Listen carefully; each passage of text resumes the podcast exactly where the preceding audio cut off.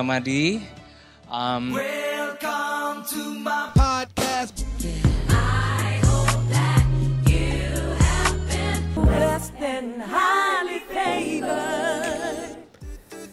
Hello, welcome to podcast series So You Think You Can Preach with me Danny Gamadi and in this bonus episode we have an honor to have Dr. Bryan Chapell with us today. Hi Dr. Chapell, good to see you. Thank you, Danny. Good to see you as well. Thank you for this invitation. Oh, this is a great honor. And friends, if you haven't heard of his name, Reverend Dr. Bryan Chapell is an American pastor and theologian. If you have watched the American Gospel documentary, he was there. Many of us has watched the movie, and Dr. Chapell is the senior pastor of Grace Presbyterian Church in Peoria, Illinois, and he is also a founder of Unlimited Grace Ministry. It's an international broadcast and podcast ministry. Prior to that, he was president of Covenant Theological Seminary in St. Louis, Missouri for 18 years. Dr. Chapell is also an author, lecturer, and conference speaker specializing in homiletics. He served as moderator of the Presbyterian Church in America in 2014. Dr. Chapell has a Bachelor of Journalism from Northwestern University, a Master of Divinity from Covenant Theological Seminary, and a PhD in Speech and Communication from Southern Illinois University, Carbondale. Dr. Chapell's book, Christ Centered Preaching, Redeeming the Expository Sermon, is considered a masterpiece, a magnum opus every preacher should treasure. It won Preaching Magazine's Book of the Year award in 1994. Wow, and, and are lists of books that Dr. Chapell has written, including Unlimited Grace, Christ Centered Worship, The Gospel According to Daniel, The Promises of Grace, Using Illustrations to Preach with Power, Each for the Other, Commentary on Ephesians, The Wonder of It All, 1st and 2nd Timothy and Titus, and Holiness by Grace. That's a short introduction for our great guest today. I'm embarrassed, Andy. I didn't know you were going to do all that. So, I do my homework, sir. yes, well, thank you. Thank you. So, Dr. Chapell, my first question is why grace? In in my ministry, uh, Danny, I've tried to emphasize how the grace of God is not only the central message of Scripture, that God is unfolding a grace that culminates in the work of Jesus Christ, but that that message is absolutely essential for not only how we preach, but how we grow in grace in the life of faith. And people sometimes perceive that as contradictory because they perceive grace as a license to sin. Well, God will be gracious, and so it doesn't matter what I do. And I try to tell people that is, that is a very worldly way of thinking about grace mm-hmm. because there, there is, we cannot deny, a certain mathematics of the human mind that says, well, if God will forgive me later, why don't I just sin right now Yeah. and enjoy, as it were, the fruit of sin? And of course, we need the Bible to remind us that the, the pleasures of sin are only for a season, they come to their end. And God, in His goodness, is telling us another path. But what motivates us to get on His path of blessing and goodness? And the thing that most motivates us is not the mathematics of the mind, but the chemistry of the heart. And when I talk about the chemistry of the heart, I'm talking about how Christ's provision for us creates such love for Him that we want to walk with Him. Wow. It's the compulsion of the Christian heart. It's what the Apostle Paul said. The love of Christ compels me hmm. for the ministry of the gospel, for the walk of faith. It's it's not primarily the fear of God in the sense of the ogre in the sky is going to hurt me, so I better straighten up. Mm-hmm. That's actually what Satan wants us to be motivated by. Satan is the accuser of the brethren. That's what the Bible tells us. Mm-hmm. But the grace of God is compelling our hearts with the greatness of the love of God revealed in Christ, mm-hmm. that we long to be with Him and we long to follow Him and we long for the world to hear about Him and we long for our lives to honor Him. And it's that compelling love that I must tell you, I did not preach early in my ministry. Ah. Early in my ministry, I, I thought the primary job of the preacher was to get people to do what they don't want to do. and and I'll just tell you straight up, that's a horrible job. Mm-hmm. You know, that my my job is to accuse people and to berate them and to make them feel so guilty and bad and scared that they'll walk a straight and narrow path. And I will just have to tell you that the greatest commandment in the Bible is what Jesus said. Hmm. You shall love the Lord your God with all your heart, soul, mind, and strength. And the second is like unto it love your neighbor as yourself. Why? Why is that love for God, which creates love for those that he loves, so important? Mm-hmm. And it's because love for Christ is the most powerful Christian motivation. And if anything else becomes primary, it will actually become destructive to the Christian faith. People may obey God, but they will not like him. And a consequence is if the primary reason that they are serving God, primary reason that they are serving God, is just to get a uh, stay on his good side so he won't hurt them, or to accumulate lots of good things for myself so that Christianity is just a path of selfishness, Uh-huh. either path is going to destroy the faith that Christ himself taught when he said, Your, your first obligation is to love God. If all you're doing is loving yourself, that's not loving God. If the preaching or the motivations of my life are just self-serving, mm-hmm. th- that's that's not obeying God. And if all I'm doing is trying to stay away from the ogre in the sky, the mm-hmm. mean person who's going to hurt me, mm-hmm. then I must tell you that you cannot love God as Christ commands. That that while there's a proper motivation of gain for self, there are rewards in Scripture. Hmm. There is a proper motivation of fearing the consequences of sin, but those cannot be greater than love for God, which is the primary commandment in Scripture and the primary motivation of the Christian life. Wow. Now, Danny, you asked me to tell my story again, so I'll tell you that what I just said to you, mm-hmm. I might have been able to verbalize as a theological truth. Mm-hmm. But when I was a young preacher in my 20s, it's not what I preached, and it's not how I tried to motivate people. So, can I tell you that story? Yes.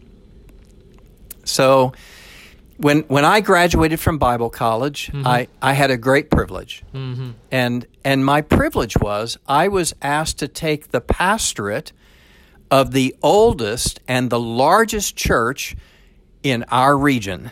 Wow. And I thought, look at me. I am really something. Here I am, this young man, and I've got this large church, and it's an historic church, and look at me. Aren't I something? And I must tell you that while I entered that church situation with a lot of pride, mm-hmm. the Lord was soon going to help me down a different path. And and here's the reason. When I went to that that large church in our region, the the primary industry of that region of our nation mm-hmm. was coal mining. Mm. So for generations, people had been mining coal because it had been generations because it was very lucrative in our part of the country. People made very good living. Mm-hmm. They did very well as coal miners. And I went to take the pastor of this very large and very prosperous and very historic church, and I had no idea how hard it was going to be. Ouch. And it, it, it, it, it wasn't just because I was a young man out of my depth, not really knowing all of life's difficulties yet, but because when I got to that church, mm-hmm. within just a few months, mm-hmm. the United States government changed the standards for coal that could be marketed in the United States. In our region of the country, the coal was high sulfur soft coal, they call it Okay. and that was dangerous to the environment. Uh-huh. And as a consequence, the government said it could no longer be marketed in the United States. Wow. And the consequence was one after another after another, the coal mines in our region began to close down. And within months of my arrival, there were tens of thousands of people who no longer had jobs. Wow. Now, the government provided a safety net of, of mm-hmm. some economic helps for people who no longer had jobs. But but Danny, for you or the pastors who are listening to you, you, you can already imagine if if jobs and income are declining very rapidly after generations, you can imagine the dynamics in people's homes that are rising just as rapidly. The dynamics of stress and anxiety and depression. And people begin to, how shall I say that? They begin to medicate their depression any way they can. Mm-hmm. And so, as jobs and income are declining, what's rising in people's homes is marriage stress mm. and abuse wow. and adultery and alcoholism and drug abuse and depression everywhere. Everywhere people are depressed. Now, because I'd been to Bible college and I was this new young pastor, I thought, I know exactly what to do. I would stand in the pulpit every week and I would say to people who were struggling with alcohol mm-hmm. or abusive relationships or divorce or depression, I would stand in the pulpit and I would say to them, Stop it. Now just stop it. The Bible says right here, you shall not be drunk on much wine. You must stop mm-hmm. drinking. And if you are uh, committing adultery, stop it. The Bible says you must not abandon the wife of your youth. And if you are being cruel to your wife, stop it. the Bible says right here, you shall love your wife as Christ loves the church. And if you're depressed, stop it. The Bible says right here, rejoice in the Lord. I'll say it again, rejoice in the Lord. You know what, Danny? I, I said stop it so often. Mm. I could not stand me anymore. I said to my wife one day, I did not become a preacher to hurt people, but I stand in the pulpit every Sunday and I hurt people, and I can't do this anymore. Wow. And as a young man, fairly newly married, we actually called my wife's parents and we said, We may be coming to live with you because I don't know what I'm going to do for a living, but I know I cannot do this anymore. Wow. And I thought what preaching was was just telling people obey the rules, straighten up, do better, do better than you did last week, do better than your neighbor. God love you as long as you do enough good. And that message ultimately was destroying me too. And what I had to be blessed by was the grace of God. Without my planning, without my even being able to remember fully how it happened. Mm-hmm. So, Danny, what the Lord did for me out of His grace was He provided the book of a man I later met. Mm. And this man was examining, this is going to sound terrible at first. This man was examining a controversy in the Dutch church a hundred years before. And here's the controversy How do you preach the heroes of the Bible? I mean, you could look at someone like David and you could say, well, David was a great hero. He went up against Goliath and Goliath said, Am I a dog that you come against me with a, with a sling? And David said, You come with sword, javelin, and spear. I come in the name of the Lord. And you could just say, Well, you should be like David. Mm-hmm. And you can beat up all the giants in your life if you're just like David. And so the message of Scripture is you should be like David. Now, what's the mm-hmm. problem with that? Mm-hmm. Well, the problem was even David could not be like David. I mean, we we know what happened. If you ever say to a congregation, be like David, you have to say, but but don't read that chapter about Bathsheba or how he murdered her husband to have her. Mm-hmm. And then he raised bad children. Mm-hmm. And at the end of his life, he actually, in pride, turned away from God and numbered his troops as though he was responsible for his kingdom's glory. Mm-hmm. You have to say, David may have been a great man, but it was not because of his personal resolve. It was because the Lord was gracious to him. Mm-hmm. And and you might look at someone like Abraham. You say, now there was a man of faith. Mm-hmm. He went to the land he did not know, and he obeyed the call of God. And on that journey, he only gave away his wife twice to other men. and and then because he did not have patience for the Lord's promise, he slept with his wife's maid. And then, because his wife got upset about the fruit of that union, Abraham took his biological son and his maid and he put them in the desert to die of exposure. What, what this wonderful man did that I began to read, he began to look at all the supposed heroes of the Bible and he said, You know what? There's only one true hero, hmm. and that is the Lord Jesus. And everyone else needs his grace. What is that? It is God providing for those who cannot provide for themselves. Hmm. Even if they may have some good character for a while, even if they may do some things that are good. Ultimately, every person in the Bible but Jesus needs Jesus. Hmm. They need the grace of God for their sin, for their weakness, for their fallenness, because the Bible tells us there is none righteous, no, not one.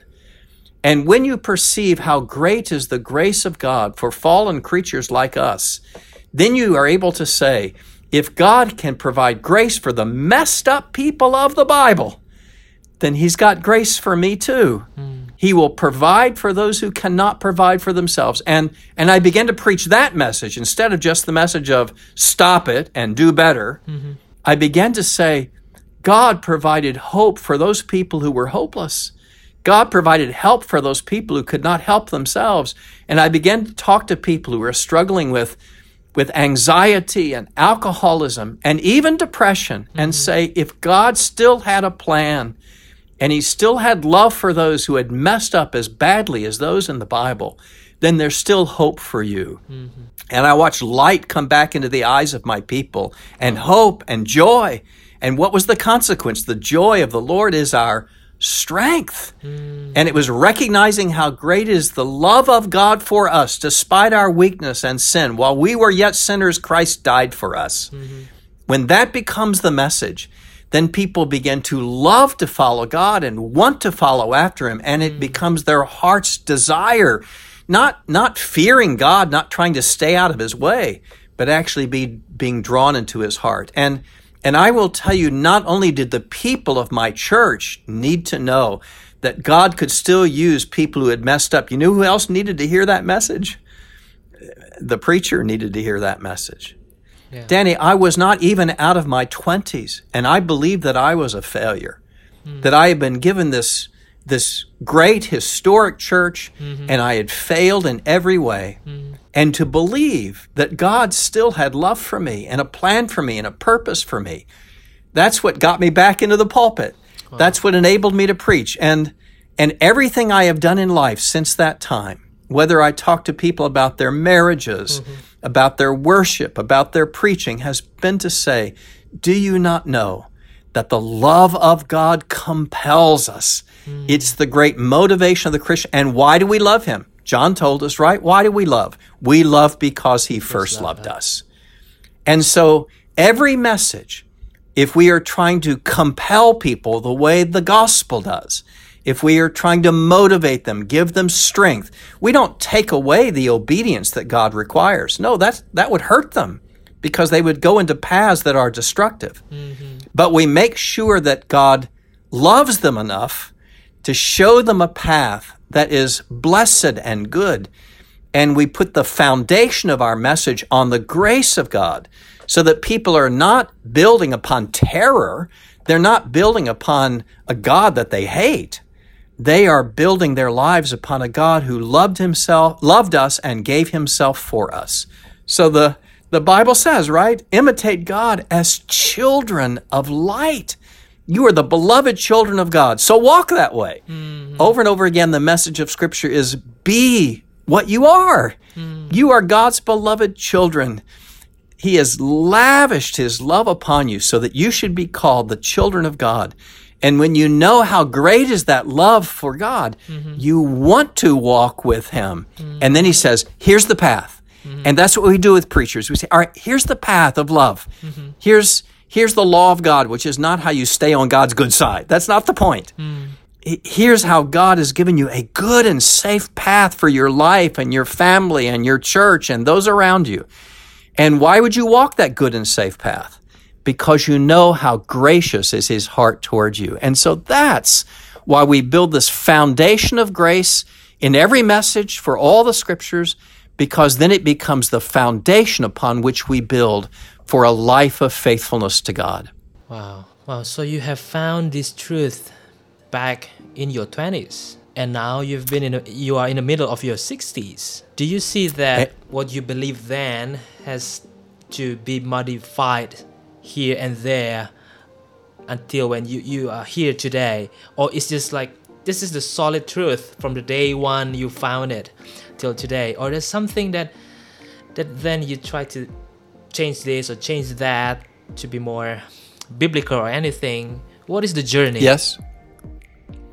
So I, I would say my journey is the one that I see repeated over and over again, Danny, and, it, mm-hmm. and it's this. If you say to to God's people, mm-hmm.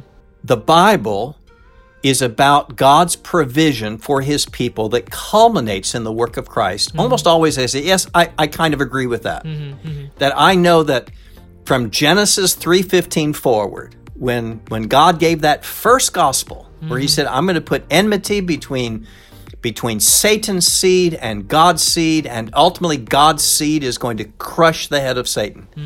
And there in Genesis 3, God began to outline the path of Scripture. God would be sending His Son. And the whole of Scripture is not just a lot of stories about good and bad people and wars and famines and kings and and you know it those those stories are there but they're there for a purpose and the purpose is to show how God is preparing a people for the coming of Christ who will claim all people who turn to him Mm-hmm. and that's that's the message that's unfolding. And and I will say almost always if people will just give me a little bit of time they'll say you know that's true. I see that. That what God was doing when he provided Adam was telling us that there would have to be a better and second Adam. Mm-hmm. And that when he sent Abraham he was building a covenant people a family of God. And when he sent David, he was promising from the line of David an eternal kingdom with a universal domain that would ultimately be fulfilled in the son of David, who was Christ Jesus. And you you say that there's the Bible storyline that's unfolding, and people, oh, oh I- okay, I, I kind of get it. It is all leading to Jesus. It's not mm-hmm. just a bunch of random stories. Mm-hmm. It's not just stories about good and bad people. Mm-hmm. There is a plan of God that's unfolding of how He will provide His Son to save the world as it turns to Him.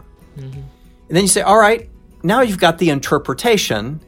Why is that not just a bunch of facts for you to know? What, what mm-hmm. what's the what's the role of this in daily reading of Scripture, in weekly preaching of Scripture? How does this function? Mm-hmm. And I've been with that already a little bit with you, Danny, to say what, what happens as you begin to recognize that what God is doing is He's not just revealing bare facts about the coming of His Son, He is unfolding His heart. He is showing how great is His love for us. And that love doesn't waver, even when there are sinful people, even when God's people turn away from Him. You remember the words of Habakkuk I keep stretching out my arms to uh, Hosea, excuse me. I keep stretching out my arms to you, and you keep walking, and yet God keeps stretching out His arms to His people to claim them. Mm-hmm. And it, it, despite the time of the judges, when everyone does what's right in their own eyes, despite the time of the kings, when people trusted their own prideful purposes, God keeps moving toward us. He's Emmanuel, God with us. He keeps coming closer and closer and closer until he comes in the presence of his son. And then, even when his son departs, he says, But I'm going to send my spirit to indwell you. He even gets closer. He even gets close to our hearts. He indwells us by his Holy Spirit. And what that begins to do is it begins to draw out of our hearts the, the power of the gospel, mm-hmm. which is not just having magic prayers or living better than other people. The power of the gospel is a compelling love for Christ. Because when we love Him above all things, we want to walk with Him. Now, Danny, you've heard me tell this story before, but uh, you know sometimes simple things begin to take hold of my own heart. So I, I just say, um, uh, uh, here, here is my own path to understanding how how powerful is the love of God and why that message is unfolding in all Scripture until it culminates in Christ Jesus, and why it has to be part of our regular preaching. Um, I I think you know when before uh, that large church, while I was still in Bible college, I was I was preaching on weekends in a very small little church outside a major city. And w- one Sunday, even though I was single and a preacher at the time, learning to preach, I always have, feel I have to go back and apologize to those people. I'm so sorry for those sermons that I preached to you when I was learning, but but one Sunday after the sermon, uh, one of the elders in that little church said, "Would you like to go on a picnic with my family?" Now, now I was single and food was being offered. What do you think I said? I said, "Yes, yes, I'd love to go with your family for a picnic after the service." And so we we drove up uh, what's known as the Great River Road, which is this beautiful scenic highway that goes along a great river. It was the fall of the year where the sun was shining and the sky was blue and the leaves were turning color. I know that's not always true in different parts of the world, but brilliant colors of gold and red. It's just a beautiful, beautiful day. And we we had the picnic uh, together with the family. And and at the end of that picnic the 20 something year old daughter of my elder said to me "Would- uh, would you like to take a walk with me now danny the the sun was shining uh-huh. and the sky was blue. Wow, just like a song. and and she had green eyes and red sweater. And she said would you like to take a walk? Guess what i said? I said yes i will take a walk with you. And i've been walking with her for over 40 years now. Wow. Uh, now, of course, I want to walk with her. Mm-hmm. She's beautiful. Mm-hmm. And and when the Bible is disclosing the beauty of the grace of God, and God says, "Now, will you walk with me on this path where I show you what is good and safe for you? Will you walk with me on this path?" Mm-hmm. Then our hearts say, "Yes, Lord." Because I know your heart. Mm-hmm. And so I want to walk with you. Now we still have to define the path. Mm-hmm. And so we still tell people, mm-hmm. what does God expect? What is good for his people? What is safe for his people? And so we still tell them, what, what does God's word tell us about walking with God? But always the motivation is primarily so that we will know how good and loving and great is God's love for us. That's why we walk the path. Not to stay out of his way. Hmm. Some preachers preach that, well, you know, you need to walk with this path so God won't hurt you. well, listen, God does discipline. We have to say, God does discipline. Mm-hmm. But whom does he discipline? What does Hebrews 12 tell us? God disciplines those that he loves. And what is his purpose? Well, you recognize no discipline seems pleasant for the moment. That's what the mm-hmm. writer of Hebrews says. Mm-hmm. But what happens eventually?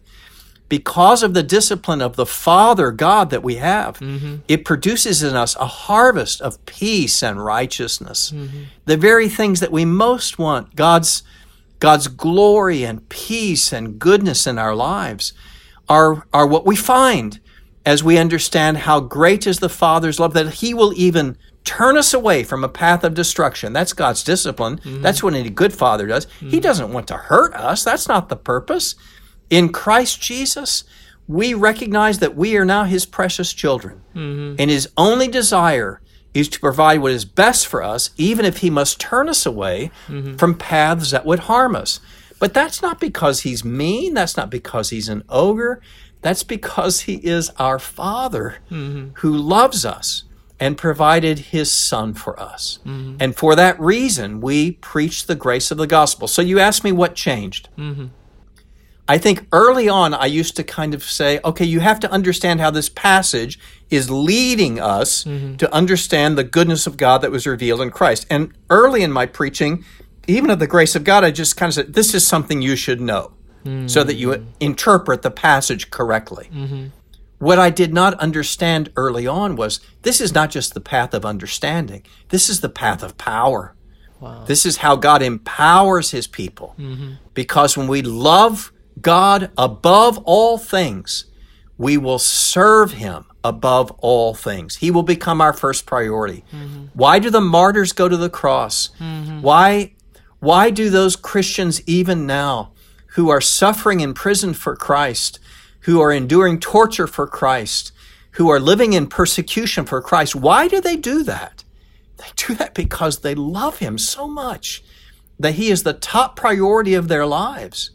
And and it's that kind of love for God that can be our greatest priority when we're saying to people, I'm not asking you to serve God so that you'll get more good stuff.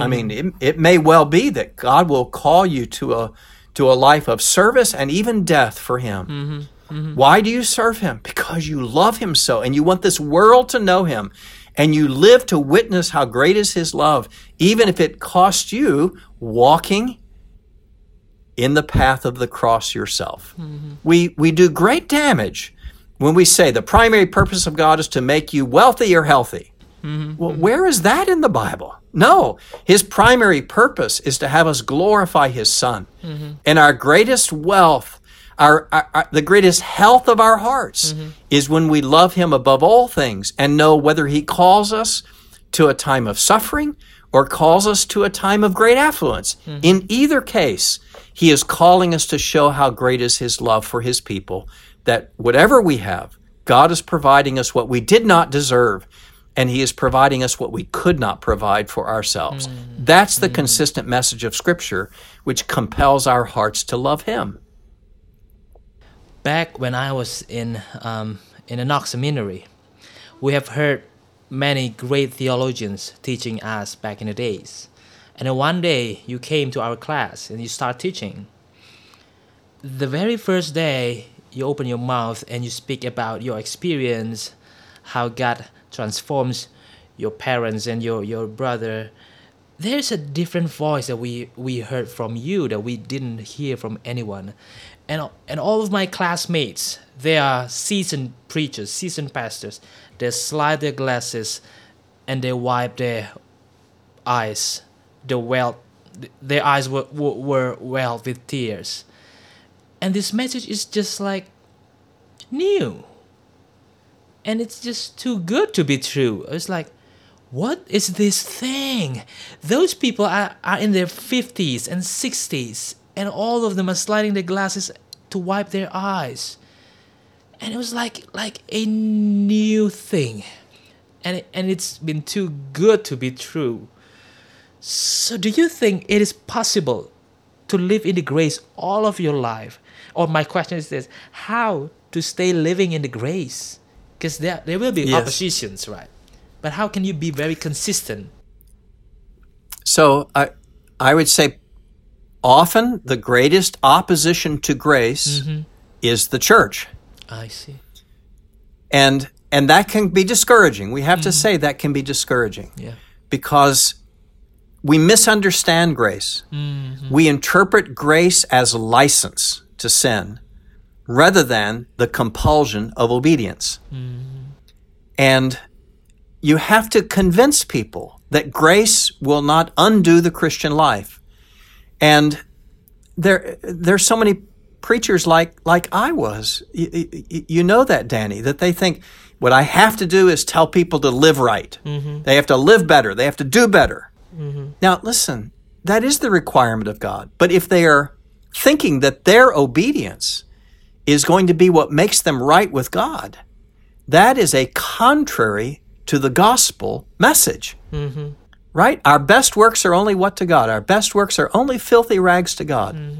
So if my message is always to people, you need more filthy rags, more filthy rags, so the ogre in the sky is going to be happy with you, you kind of say, "Eh, eh, that can't work.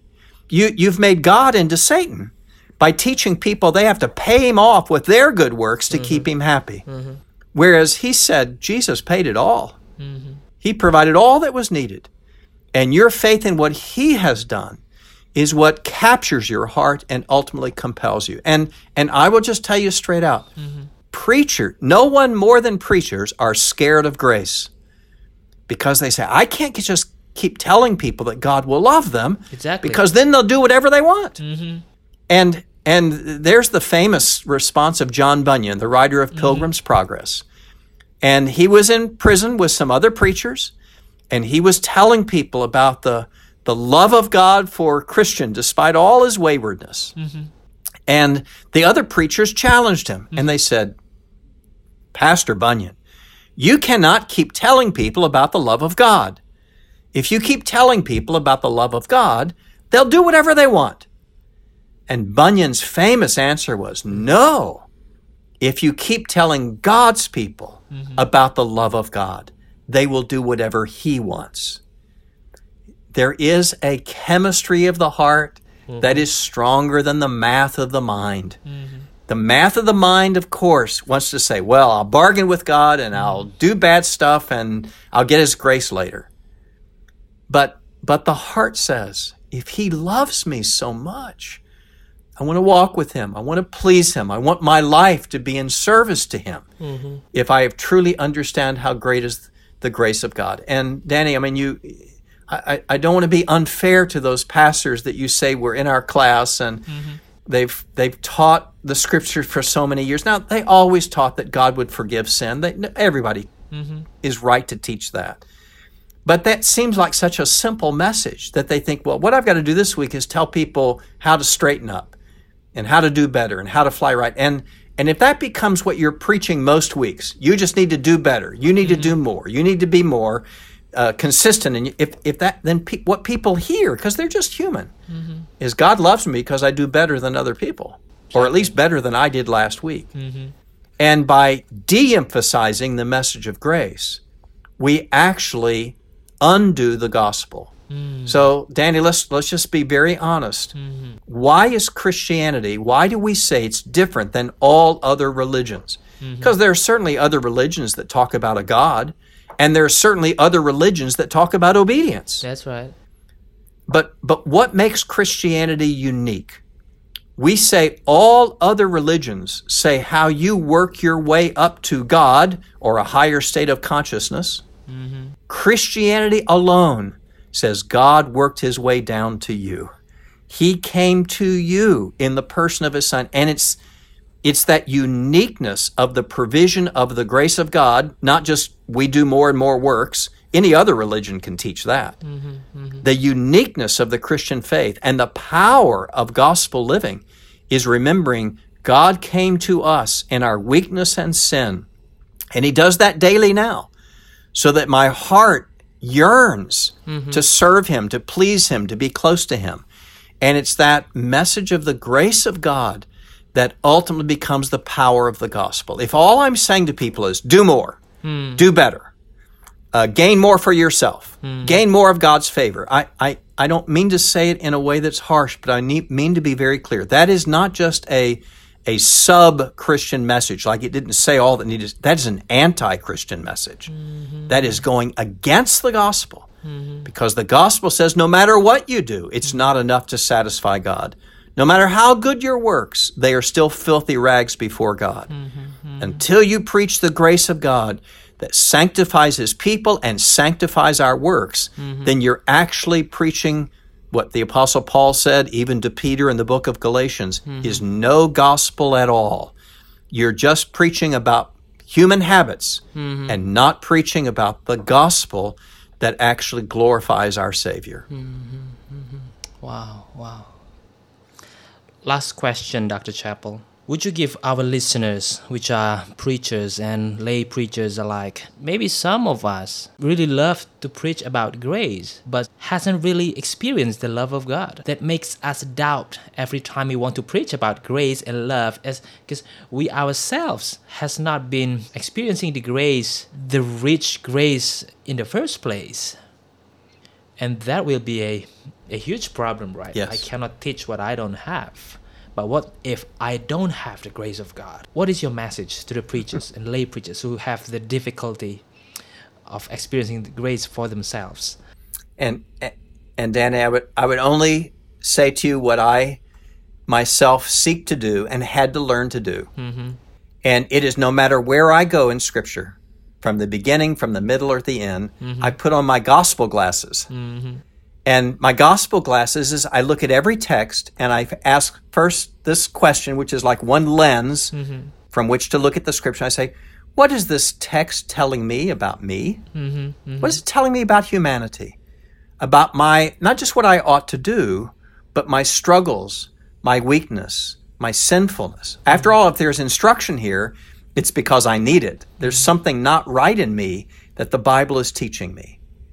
But at the same moment, the other lens of my gospel glasses is saying, What is this text teaching me about God? How is He providing for people who cannot provide for themselves? And if you'll do that, you'll begin to see the gospel everywhere in the Bible. And I'll just give you a real simple example. It may be silly, uh, fun, I hope, a little bit. If, if you think about why, why is Samson in the Bible? I mean, if you take that story of Samson, why, why is that in the Bible? and you can say, well, you know, when, when Samson had long hair, he was strong, and when he had short hair, he was weak. Therefore, we should have long hair. now, now, now, you know that's not right. No. But why isn't it right? Well, it's because Samson was in the period of the judges when everyone did what was right in their own eyes. Mm-hmm. And Samson is teaching us it does not matter how strong you are, it does not matter how clever you are. You are not your own redeemer. Unless God saves his people, you cannot be saved. Hmm. When I look at Samson, I'm learning something about myself. It does not matter how clever I am, it does not matter how strong I am. I need a redeemer.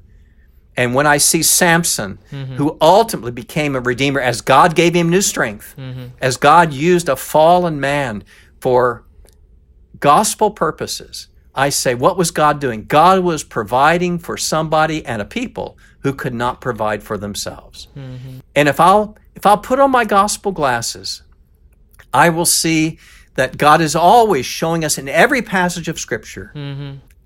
Here's your weakness. But he's also showing us mm-hmm. here is my provision. It's unfolding. Mm-hmm. Just keep looking. Mm-hmm. Because the one consistent message of Scripture from beginning to end is you are not your own Redeemer. You are not your own Redeemer.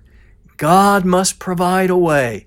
And whether He is giving food to the hungry, or rest to the weary, or strength to the weak, or forgiveness to the unforgivable, in every dimension, God is saying, I'm going to show you how I provide for people who cannot provide for themselves. Grace is on display. Hmm. And when we recognize we are not our own Redeemer, but hmm. God has provided the grace of a Redeemer in Christ Jesus, that's the message of the whole Bible. Mm-hmm. Then we'll begin to grow in grace, which hmm. will be our own heart's joy. And the joy of the Lord is our strength. Wow. All right. Wow, it's very powerful. Thank you so much. It it can fuel our lifelong journey. It can. And that's the that's what God intends. Praise God. Mm-hmm. Wow. So, friends, you have been listening to many episodes of this So You Think You Can Preach podcast. And this episode is the final of it all. It is the climax and it is the main message that we should live in and should share it to our listeners. Thank you so much for your loyalty in following all the episodes from the very beginning. And thank you so much, Dr. Chapell. It's a great honor and it's an amazing news that brought amazing joy to me personally. So this is the end of the podcast. I would like to ask Dr. Chapell to say goodbye in Indonesian language if you don't mind. It sounds like this. Sampai jumpa. Sampai jumpa. Yes. Can you say it again? Sampai jumpa. Sampai jumpa. All right. And thank you, Danny. Yes. Thank you. And to all your Indonesian pastors, praise God for your work. Hallelujah. We check out and God bless you.